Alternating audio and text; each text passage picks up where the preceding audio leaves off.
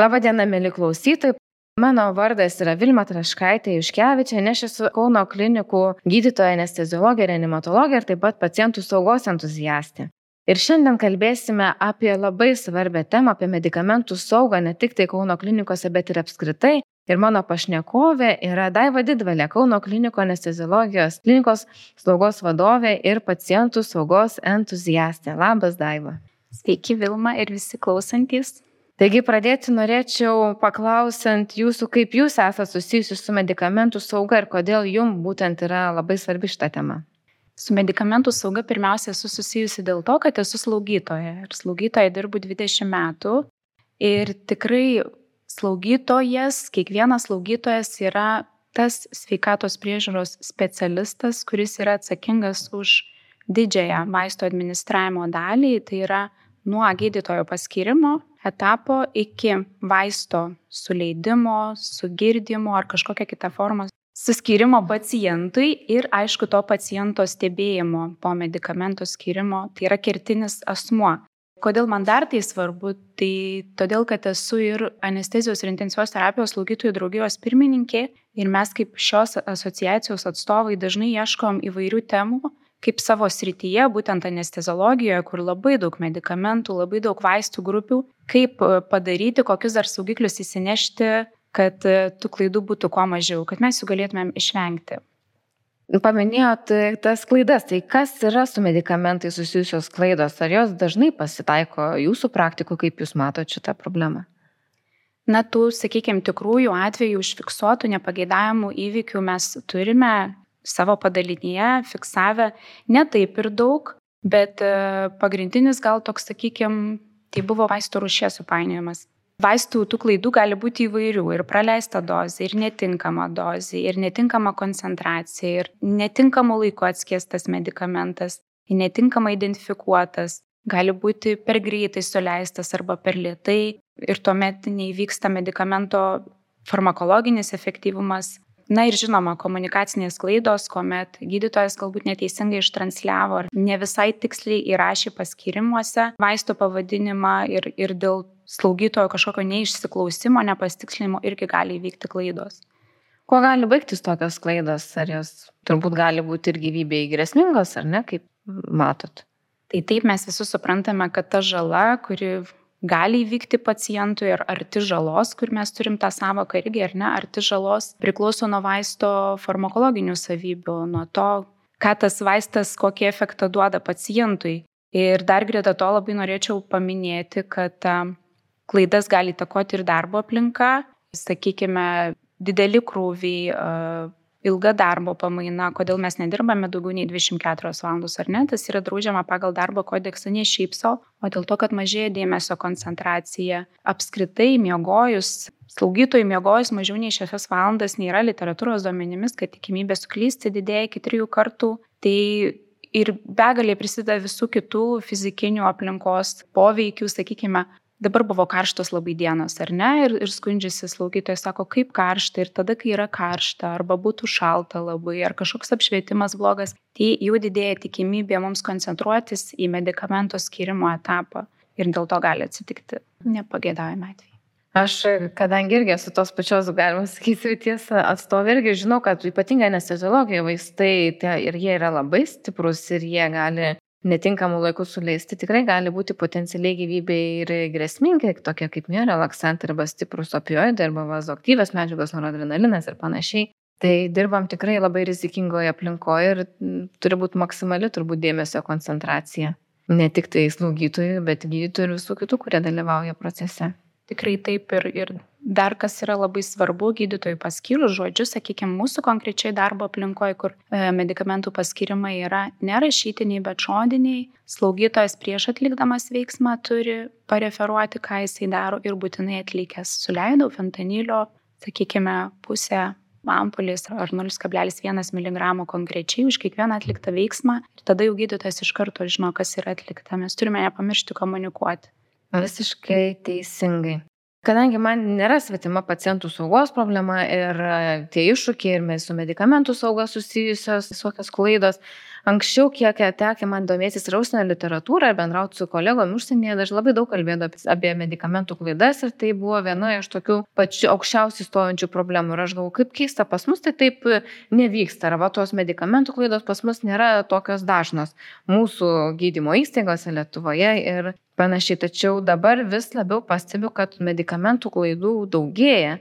Ir jų daugėja galbūt ne tiek, kiek darbo aplinkoje daugėja, bet daugėja tų registracijų kaip nepagėdavimų įvykių. Tai kaip taip yra, mes šitam pamažiau atsargus, iš kur yra tas išaugimas su medikamentų skirimu susijusių klaidų? Aš kaip slaugytoja tai manau, kad e, skaičiai auga dėl to, kad žmonių didėja samoningumas ir suvokimas ir iš tų atvejų, kurie buvo užfiksuoti, išanalizuoti ir tai, kas pateikta ir visuomenėje, ir, ir mūsų bendruomenėje medicinėje, tai matome nebaudimo kultūrą. Ir kada yra nebaudimo kultūra, tada ta baimė, aišku, jinai suklydus ir įvykus atveju, tai jinai turbūt yra sunkiai suvokiama tą, ką žmogus išgyvena, bet mes matome, kad nie to žmogaus iš darbo atleidžia, nie jiems skiria kažkokią tai drausminę nuobaudą, kada atvejis yra pilnai suvaldytas ir ta žala pacientui yra, na, sakykime, minimali. Kaip galvojate, ar galbūt žmonės įpranta registruoti tos įvykius, pranešti apie tos įvykius, ar kaip jum ar jūsų kolegom atrodo, ar jie jaučiasi saugesni apie tai papasakoja ir praneša oficialiai? Vėlgi, labai sunku vertinti kito žmogaus jausmus, emocijas ir išgyvenimus, tiek kiek, sakykime, yra tekę bendrauti su viena slaugytoja, tai jinai labai džiaugiasi, kiek galima džiaugtis tokioje situacijoje, kad jinai nebuvo linčiuojama. Tiesiog buvo jai pirmiausia siūloma psichologinė pagalba, tik tai vėlesniuose etapuose ėjo kažkokie tai analizės, nuoseklus, tokie pačią pirmą dieną tai žmogui yra teikiama pagalba. Be abejo, visiems įdomu tos aplinkybės, kaip kas ir kur, kodėl įvyko, kad visi žinotų ir, ir pacientas būtų ir jo artimieji informuoti, bet vis tiek vat, šitoj vietoj jau slaugytojas kaip specialistas, sakykime, dedamas ant kitos lentynėlės, tokios apsaugos galbūt. Mhm. Gal galit plačiau papasakot, pasidalinti tuo įvykiu, apie kurį kalbat, kuris įvyko klinikoje ir kaip jis buvo suvaldytas, kokios priemonės buvo imtasi?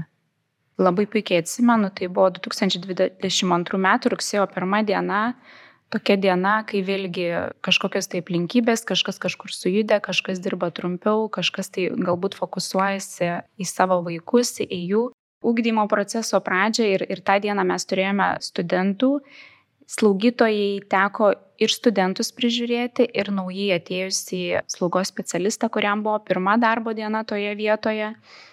Na ir, ir kadangi buvo ir pacientų srautas, kaip tyčia didelis operacinė tą dieną, sekė viena operacija po kitos, slaugytoja nespėjo susitvarkyti darbo vietos ir ant jos darbastalio buvo medikamentas, kuris einamai procedūrai neturėjo būti naudojamas. Tai buvo vietinis anestetikas, sutrauktas vietoj nuskausminamojo preparato ir suleistas į veną pacientui. Iš karto monitorijoje pasimatė pokyčiai, slaugytoja nedelsiant, suvokusi, kas atsitiko, informavo gydytoją. Ir žinoma, čia turbūt reikia lenkti galvą prieš tą slaugytoją, kuri suvokė Ir jinai negalvoja apie tai, ar kas jai bus, ar jinai bus nubausta, jinai galvoja, kaip padėti, kaip suvaldyti situaciją ir gydytojai anestezologai profesionaliai suvaldžiusiai visą situaciją. Buvo nedelsiant atneštas medikamentas, antidotas, kuris naikina to suleisto medikamento poveikį. Toliau pacientas buvo perkeltas intensyviai stebėsenai intensyvios terapijos skyrių ir visiškai stabilizavusius būklei, saugiai išleistas į namus. Ir kaip žinome, tas pacientas po kažkurio tai laiko grįžo į Kauno klinikas atlikti vėlgi operacijos, kuri buvo netlikta. Tai irgi rodo turbūt ir, ir pacientų ir artimųjų pasitikėjimą. Taip, tai labai svarbu yra veikti iš karto ir, kaip sakant, bendradarbiauti, pamačius, kad įvyko klaida, stengtis kaip įmanoma sumažinti tą įvykusią žalą, imtis veiksmų tą klaidą ištaisyti. Kokie tolimesni buvo veiksmai, kokie tolimesni buvo žingsniai, kas buvo atliekama, čia turbūt reikėtų atskirti, kad buvo dirbama tiek su pacientu ir paciento artimaisiais, bet lygiai grečiai buvo teikiama pagalba ir tam slaugos specialistui, kuriam tas įvykis įvyko, ar ne? Ne, su pacientu dirbo gydytojai, uh mhm. -huh. gydantys specialistai. Mes, kaip administracijos atstovai dirbome su slaugytoju, su jo psichologinė būsena ir tikrai buvo siūloma įvairiapusiška pagalba. Aišku, nedėlsant ėjo ir nepageidavimo įvykio registracija. Sekantis e, žingsniai buvo mums e, visam padalinio, sakykime, kolektyvui žiūrėti ir dėliotis veiksmus, kad tokių dalykų daugiau neatsitiktų, ką mes galime padaryti. Pirmiausia, mokymai, prisiminti, kad tuo metu, kai dirbame ant savo darbo akiračio, laikome tik tuos medikamentus, kurie reikalingi tuo metu. Apskritai rekomenduojama dirbti su vienu medikamentu, bet tas sunku mūsų darbo aplinkoje, turbūt tą skyriuje yra, sakykime, stacionaro skyriuje paprasčiau įvykdyti, kad aš turiu vieną paskirimą, pasiimu vieną medikamentą, nueinu pas pacientą, grįžtu įsižymo, visus atlikus saugumo patikros žingsnius, o čia vienas medikamentas, kai seka po kito, tai tik tai tie, kurie skirti tam pacientui.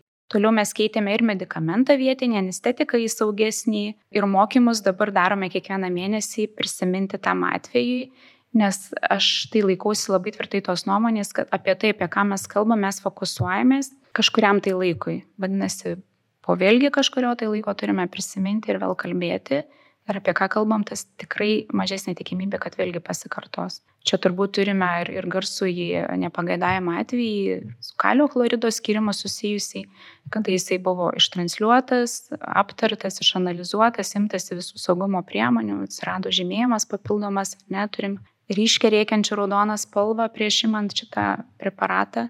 Na tikrai, na, daugiau tokių klaidų nėra įvykę, tokių pačių.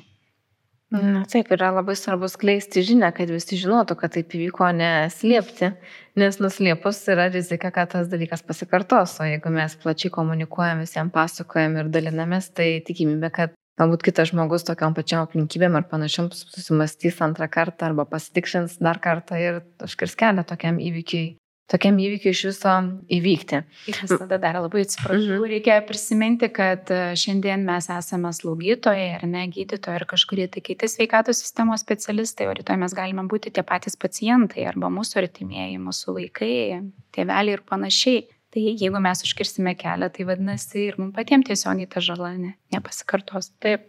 Aš dar norėjau paklausti apie tą patį atvejį.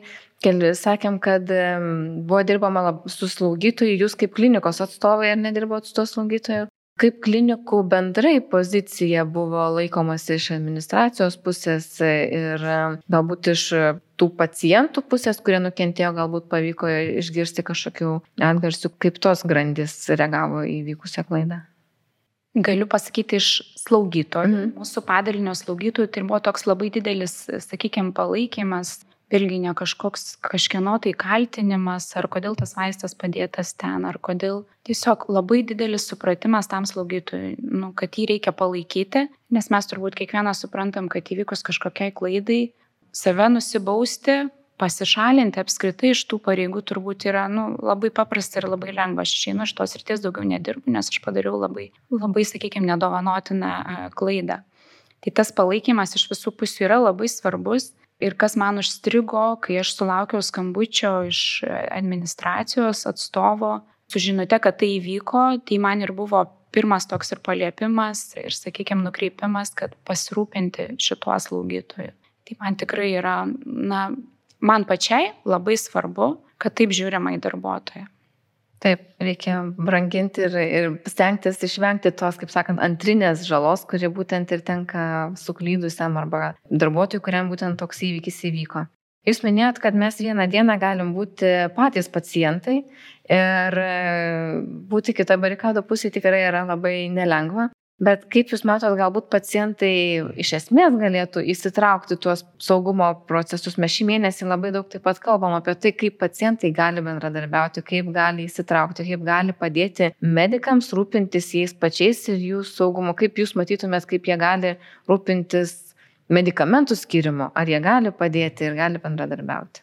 Na, pirmiausia, tai tie pacientai, kurie gali teikti informaciją pagal savo klinikinę būseną, pagal savo situaciją, kurie gali teikti informaciją apie buvusius kažkokius ankstesnius alerginius atvejus, apie kažkokius tai gydimo ypatumus, kur kažkas tai vyko ne taip, kaip turėtų vykti. Jis turėtų informuoti visą personalą, su kuriuo tenka bendrauti.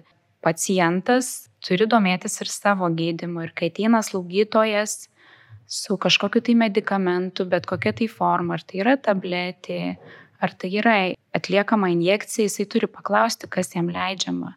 Dažnai praktikoje tenka tokių atvejų, kad paklausi paciento po suleidimo, ar viskas gerai, taip viskas gerai. Tada ateini dar po kažkurio tai laiko ir sako, nu man ten kažkas tai buvo, ar ten kažkada po kažkokios tai raudonos tabletės kažkaip keistai jaučiausi. Reikėtų nedėlisant. Pacientas turėtų įstraukti ir nedėlisant pajutęs kažkokius taip, sakykime, pojūčius, kas jam atrodo neįprasta. Jis yra gydymo įstaigoje, kuo skubiau informuoti arčiausiai esantį personalą, dažniausiai tai būna slaugytojas. Taip, tai visgi labai svarbu ir atsakomybė už pacientų gerovę ir pacientų saugą turbūt tenka ne vien tik tai slaugytojam ir gydytojam, bet iš dalies ir patiems pacientam ir jų artimiesiam, kurie taip pat turėtų aktyviai įsitraukti į tuos procesus ir žinoti, kas vyksta, kas su jais daroma ir kokie medikamentai skiriami. Tai čia galbūt būtų vienas iš tų kertinių žingsnių, kaip mes galime užtikrinti pacientų saugą.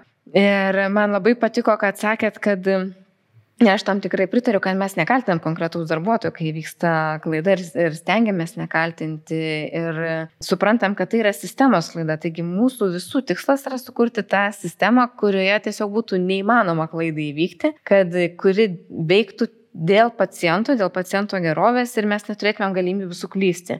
Kaip galvot, kokie dar būdai galėtų padėti mums tą saugią sistemą sukurti, kurie neleistų klaidai įvykti ir kurie užtikrintų pacientų saugą?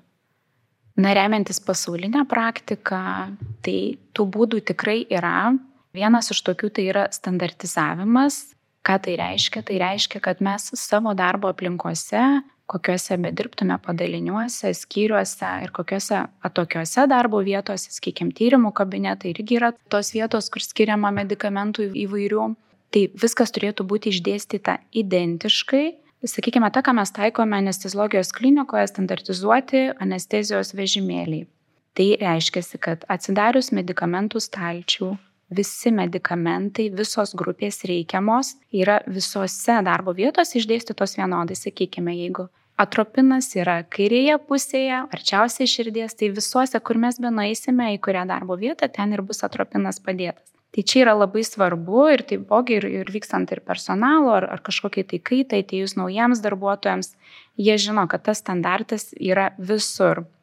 Na, yra standartizuotas vaistų skirimas, kuriuo mes susidūrėme ypatingai COVID-19 laikotarpiu, kada teko eiti į darbo vietas, kurios nėra mūsų įprastos ir medikamentus skirti, administruoti tokius, kurių mes, sakykime, praktikoje esame tik tai girdėję, nes kiekvienas, na, daugiau mažiau nusistovėme darbo vietose ir jų tikrai nekeičiame kas metus. Tai tas standartizuotas medikamentų skaidimas, kokį vaistą, su kokiu kiekiu fiziologinio tirpalo skiesti, kokiu būdu leisti, kokiu greičiu. Tai va šitas e, algoritmas tikrai labai pasitarnavo. Na vėlgi, ką mes jau naudojame ganėtinai seniai anestezologijos klinikoje, pagal ISO standartą atliekame standartizuotą švirkštų žymėjimą. Ką tai reiškia? Tai reiškia, kad kiekviena medikamentų grupė, sakykime, opioidai naudojame anestezijai, žymime mėlyną spalvą. Mėlynos spalvos etikete sutraukus medikamentą iš karto yra klyjuojama ant švirkšto, rašome vaisto dozę ir kokia ta dozė yra, sakykime, viename mililitre. Tai čia pagrindiniai dalykai - spalvoti lipdukai, standartizuotos darbo vietos ir standartizuotas laikymas. Vėlgi, ką aš norėčiau paminėti, kas yra Kauno klinikose. Ir tikrai labai didelis dėmesys tam skiriamas kiekvieną dieną pamainos lyderis sužiūri, kad visi medikamentai būtų jiems skirtose darbo vietose, nes Dar viena tokia klaidus tikimybė yra ne tik, kad tvarkingai sudėti vaistai, bet galbūt žmogus, kuris dėjo tuos vaistus, tuo metu buvo netidus ir jis, sakykime, į kokią nors, na, sakykime, gliukozės tirpalo koncentruoto vietą padėjo nekoncentruotą gliukozę. Tai kiekvieną dieną slaugytojas savo darbo vietoje turi susižiūrėti, ar visi medikamentai yra jiems skirtose darbo vietose ir tą dokumentuoti savo parašu, kad patikrinta, pertikrinta. Turbūt dar turėtų būti laikomi ir skirtingose lentynose, ar ne? Galbūt ten koks nors kalio chloridas, kuris yra gyvybei grėsmingas nuo kitų tirpalų, kurie yra mažiau gyvybei grėsmingi, ar ne? Kaip, ar tas vyksta pas mus? Taip vyksta ir ne tik tai, kad skirtingose lentynose, bet mes turime tris žymėjimo spalvas, tai yra žalioji spalva, tai yra mūsų rutininiai, rutininiai medikamentai, rutininiai tirpalai, Jeigu juos ir sumaišius, jie turėtų labai labai minimalę žalą pacientui. Raudona spalva tai yra žymimi visi koncentruoti tirpalai, kokie tai bebūtų, tokie, kurį imant tu turi pagalvoti, ar man tikrai jo reikia ir ar tai jisai tikrai šitas vaistinis preparatas yra paskirtas pacientui. Na ir trečioji spalva, geltona spalva, visi išoriniai tirpalai žymimi. Ir tas pasflorheksidinas, kažkokie žaizdų plovimai ir panašiai. Tai trys spalvos ir mes vadovaujamės ir sudėdami medikamentus, ir laikydami, ir imdami kiekvieną kartą pasižiūrime. Ir aišku, ko nepaminėjau ir kas visą laiką yra labai svarbu, tai yra vaistinio preparato skaitimas tris kartus prieš jį atiduodant pacientui. Ne, pirmiausia, mes imdami iš lentynos, tada imdami iš pakuotės ir tada trukdami. Trys žingsniai ir atrodytų galbūt, kad ir kaip, gal ar nerimtai ir juokingai, ką čia dabar tą vaistą tris kartus skaityti, ar ne kaip koks mokinukas ten trečioji klasiai, bet tai yra, sakykime, labai reikšmingas saugumo toks, kaip čia pasakyti, akcentas ir tą sako pasaulinė praktika, kad Mes turime būti budrus, mes atsakingi už tai ir mes turime skaityti. O kaip su galiojimo terminu? Ar slaugytojas arba gydytojas turi kiekvieną kartą patikrinti tą galiojimo terminą, ar tiesiog yra vienas atsakingas kažkoks pamainos lyderis, kuris patikrina, kad visi medikamentai esantis stalčiuje ar spintelė ar kažkur, kad jie būtų galiojantis ir kad būtų neišėję iš galiojimo laiko? Tai yra du momentai. Tai vienas momentas, kada skyriuje pagal e, darbo vidaus tvarkos taisyklės atliekamas generalinis valymas ir yra peržiūrimi visų medikamentų galiojimai, nes jie yra iškeliami iš jų laikymo vietos, valoma dezinfekcinėmis priemonėmis, tie paviršiai.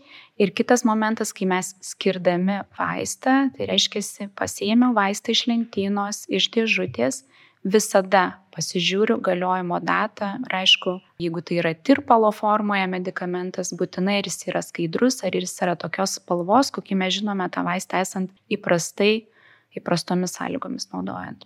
Tai reiškia, ir čia reikia dvigubo patikrinimo. Būtina. Ir dar tas patikrinimas, ką irgi sako pasaulinė praktika ir mes, kai turime sąlygas, irgi darome, dėja ne visada turime tas sąlygas, tai yra keturių akių patikra, reiškia, Aš pasėmiau vaistą, aš jį perskaičiau vieną kartą, antrą kartą įsitikinau, susitraukiau ir tada dar duodu savo kolegai. Jeigu turiu kolegą, pažiūrėk, ar tikrai tas vaistas paskirtas, arba tiesiog valeisiu tą ir tą. Gali pažiūrėti taip, galbūt irgi skamba ar ne, kaip čia daug kas, kas klausys, sakys, ai čia mes neturime, mes po vieną dirbam dideli skyriai, bet tose vietose, kur įmanoma, tai tikrai labai rekomenduojama komunikuoti būtent dėl vaistų, ne dėl kažkokių pašalinių, sakykime, situacijų, va ką norėjau irgi paminėti, kas yra labai svarbu. Buvo atliktas tyrimas, kas slaugytojus dažniausiai atitraukia nuo medikamento skirimo, ar ne?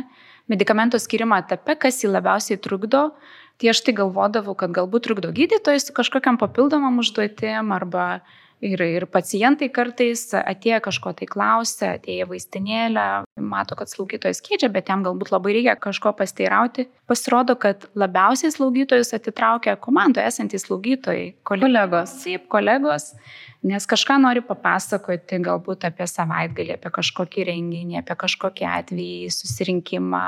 Na, tų pokalbių temų turbūt galima atrasti e, labai daug ir labai įvairių, bet reikėtų atkreipti dėmesį į tai, kad jeigu kolega traukia vaistus, ruošiasi eiti pas pacientą arba eina pas jį, tai reikėtų šitame, šitame etape, sakykim, netrukdyti, pagelbėti kažkokiam priemonėm, kažkur čiškia signalizacija, nueiti į palatą ar telefonas skamba, jau atsiliepti tam kitam žmogui, o ne, ne tas, kuris jau yra savo toj, sakykime, nuoseklioje grandinėje vaistų nešime pacientui. Bet pacientai dažnai irgi ne, galbūt nesuprasdami arba turėdami daug klausimų, irgi turbūt blaško dėmesį slaugytojai, kurie ruošia vaistus arba kurie skiria vaistus. Tai čia galbūt dar vienas, kaip sakant, būdas jiems bendradarbiauti slaugytojų neblaškyti tam tikrais momentais, ar ne? Pacientai turi klausimų, visada jie turi sunku taip ir įvardinti ir pasakyti, kad jūs netrukdykite slaugytojo, nes jis yra užsiemus, bet jeigu matom, kad tikrai kažką dirba, manipuliuoja švirkštais ar, ar sakykime, vaistų dėžutės kažkokias tai tikrina, kažką daro, galbūt galima tiesiog paprašyti slaugytojos, kad jinai skirtų dėmesio pabaigusi savo veiksmą, aišku, jeigu tai nėra kažkoks bus mhm. netidėliotinas atvejis. Tai jeigu mūsų tinklaladę klausys pacientai irgi gaus informacijos, kaip reikėtų elgtis ir kaip e, nereikėtų elgtis. Dar užsienyje esu mačius irgi tokius dalykus kaip slaugytojas, kuris ruošia medikamentus, apsirengia, tarkim, lemenę tam tikrą, kur būna parašyta tylos, aš užsiemęs ir, ir panašiai. Ar dar kažkokiais kitais ženklais yra identifikuojamas, kad manęs prašom netrukdyti, aš dabar um, užsiemęs. Kauno klinikose mes turbūt e, tokių neturim dalykų. Neturim Kauno klinikose, to iš tikrųjų man Lietuvoje neteko matyti, teko matyti pranešimą tarptautinėje konferencijoje, bet vėlgi yra kita medalio pusė. Yra tikrai dideli krūviai, dideli darbų kiekiai ir mes, sakykime, turėti slaugytoją, kuri vien dirba su medikamentais, ne, būtų labai saugu, atsakinga tik už paskirimą, ne už kažkokį pacientų transportavimą, nes ne už hygieninius, sakykime, patvarkymus. Tai šitoj vietoj gaunasi taip, kad tas slaugytoja, kuris skiria medikamentą, jinai turbūt už 10 minučių jau kažkur bėga, lekia ir atlieka kitus veiksmus ir tą lemenę užsidėti, nusijimti, na, būtų pakankamai kiek sudėtinga, pamatytumėm, kad slaugytojų kažkur įleikia transportuoja pacientai. Su tolemenė. ir prašome manęs netrukdyti. Taip, tai turbūt nebūtų labai efektyvu, bet tiesiog žmonės ko tik nesugalvoja, kad tą pacientų saugą užtikrintų ir kad medikamentus teisingus ir teisingai paskirtų. Ne, ką, kur aš dar matau vieną iššūkį su medikamentais susijusi, tai mes vis dar naudojame rašytinius paskirimus. Na ir apie gydytojų raštą čia legendos sklando tikrai, kad ne visada būna lengva įskaityti. Gal turit kokių idėjų, kaip šitą problemą išspręsti, tuos kartais sunkiai įskaitomus gydytojų paskirimus, kaip iššifruoti ir ką daryti su jais, kai tikrai sunku supras, kas ten paskirta ir kas ten parašyta. Oi, tikrai yra tekę šifruoti tokių paskirimų. Pirmas dalykas, ką reikėtų daryti ar ko nedaryti, tai niekada nebandyti nuspėti, kas ten parašyta. Na, sakykime, slaugytojui jis neturėtų pats galvoti, ar čia taip, ar čia taip pasitiru su kolega, kažkaip. Reikėtų klausti, to žmogaus, kuris rašė paskirimą, nes tik tai jisai gali geriausiai identifikuoti savo raštmenis. Ką mes praktikoje naudojam, sakykime, yra ortopedijos traumatologijos ponesteziniai palata, kur gydytojo paskirimai dažniausiai yra, na, sakykime, panašus po tam tikrų intervencijų. Tai eina spausdinti gydytojo paskirimai, gydytojas tik tai rašo medikamento skirimo laiką, sakykim, pakoreguoja, ar ne, priklausomai nuo to, atskaitos taškas, kada tas pacientas atvažiavo į būtent į šitą intensyvaus stebėjimo palatą. Ir tas yra labai tada aišku. Kai vaistas yra spausdintai rašytas, tada tikrai nėra nei interpretacijų vietų ir, ir labai suprantama. Čia turbūt dar viena standartizavimo forma, kad po tam tikros rūšės operacijų, kurių atliekama pakankamai nemažai, čia turbūt po klubo sanario ar ne, endoprotezavimo. Taip tai jų atliekama tikrai nemažai, standartizuota technika, standartinė operacija ir tas pooperacinis gydimas irgi yra standartizuotas, tai visi žino, ką tokiem pacientam po šitos operacijos paskirti, ar kaip minėjot, tik tai valandas reikia įrašyti ir galbūt dozės pakoreguoti. Taip, na ir papildomi visi medikamentai, aišku, jie rašome ranka, čia jau jau šitoj vietoj nieko nepadarysime, bet tas, kas yra pagrindiniai vaistiniai preparatai, infuzioterapija, nuskausminimas, antik koagulacinis gydimas, tai tik tai tada skiriasi laikai skiriamo. Gal dar kokiais geraisiais pavyzdžiais galit pasidalinti ar iš savo praktikos, ar iš kolegų praktikos, galbūt kas klausys, kiti slaugytojai, galbūt jiems irgi naudinga ir tai pritaikys. Ne tik slaugytojai, ir gydytojai pritaikys savo praktikoje. Na, turbūt reikėtų apibendrinti visą tai, kas pasakyta, ar ne? Tai tiek, kiek mes galime standartizavimo įsidėkti savo praktikoje, tai išdėstymo, skėdimo kažkokių tai medikamentų, ypatingai naujai atsirandančių kažkokių tai vaistinių preparatų ar ne, kad visi žinotų, tai kad viena komanda išsistudijavo, sakykime, kaip skėsti oktapleksą ar ne, mums prireikia, o kitiem galbūt reikės po labai ilgo laiko tarpo. Nebijoti kabinti algoritmo prieš akis ir per laiką pakabėjus tikrai personalas įsisavina, ne tiek, kiek teko matyti kitose šalyse, labai daug algoritmų kabo. Mhm. Pas mus dar sakyčiau mažai. Tai turbūt šitas dalykas, dar ką galbūt nepaminėjau, tai mes savo praktikoje turime daug medikamentų, kurie yra panašiamis pakuotėmis, reiškia, vieno gamintojo gaminama ir, ir vaisto pavadinimas, sakykime, žalia spalva, dėžutės ar ne. Reiškia, spalvinis išdėstymas, pavadinimo šaknis gali būti panašiai ar ne, tai atkreipti dėmesį į savo darbo aplinkoje turimus panašiai skambančius, panašiai atrodančius vaistus. Ir jeigu jie yra, sakykime, skirtingų grupių, tai dėti papildomą spalvinį žymėjimą ar apibraukti raudonų markerių, kad atsidarius maisto laikymo vietą iš karto matytum ir, ir ta rizika suklysti, supainioti panašiai atrodančius vaistus išnyktų, kaip tai ištransliuoti vaistus gaminančioms kompanijoms ir kodėl jie visgi dar palieka tokią nišą, atsakymo neturiu šią minutę. Mhm. Čia galimybė tobulėjimui tolesniam, kad tie vaistai tikrai būtų skirtingi vaistai, kad atrodytų skirtingai arba turėtų skirtingas pakuotės, skirtingas ampulės, galbūt skirtingą atidarimą tos ampulės, kas irgi galėtų padėti. Ir turbūt labai neišvengsime komunikacijos, ar ne, tiek slaugytojų vienų su kitais, tiek slaugytojų su gydytojais ir pacientų komunikacijos su profesionalais, ar ne. Čia vienas iš tų kertinių ir visiems tinkančių atsakymų į klausimus, ką galime padaryti dar geriau. Taip tikrai žinom, kad didžioji dalis įvairiausių konfliktų, incidentų ar neįvyksta dėl komunikavimo nebuvimo tinkamo, tai kaip padaryti, kad visi savo intensyviuose darbuose būtų ramus ir galėtų klausti ir gauti atsakymą, tai turbūt čia jau nuo kiekvieno iš mūsų specialisto priklauso ir asmeninių savybių, ir gebėjimo, gebėjimo toje darbo vietoje išlaikyti stresinės situacijose savo, savo šaltą protą. Tai yra labai labai svarbu. Nes jeigu aš stresuoju, tai turbūt ir, ir mano kolega stresuos, nes kažkas kažkoks jau nepasitikėjimas atsiranda ir, ir tas ratas užsisuka. Taip, įdingas ratas.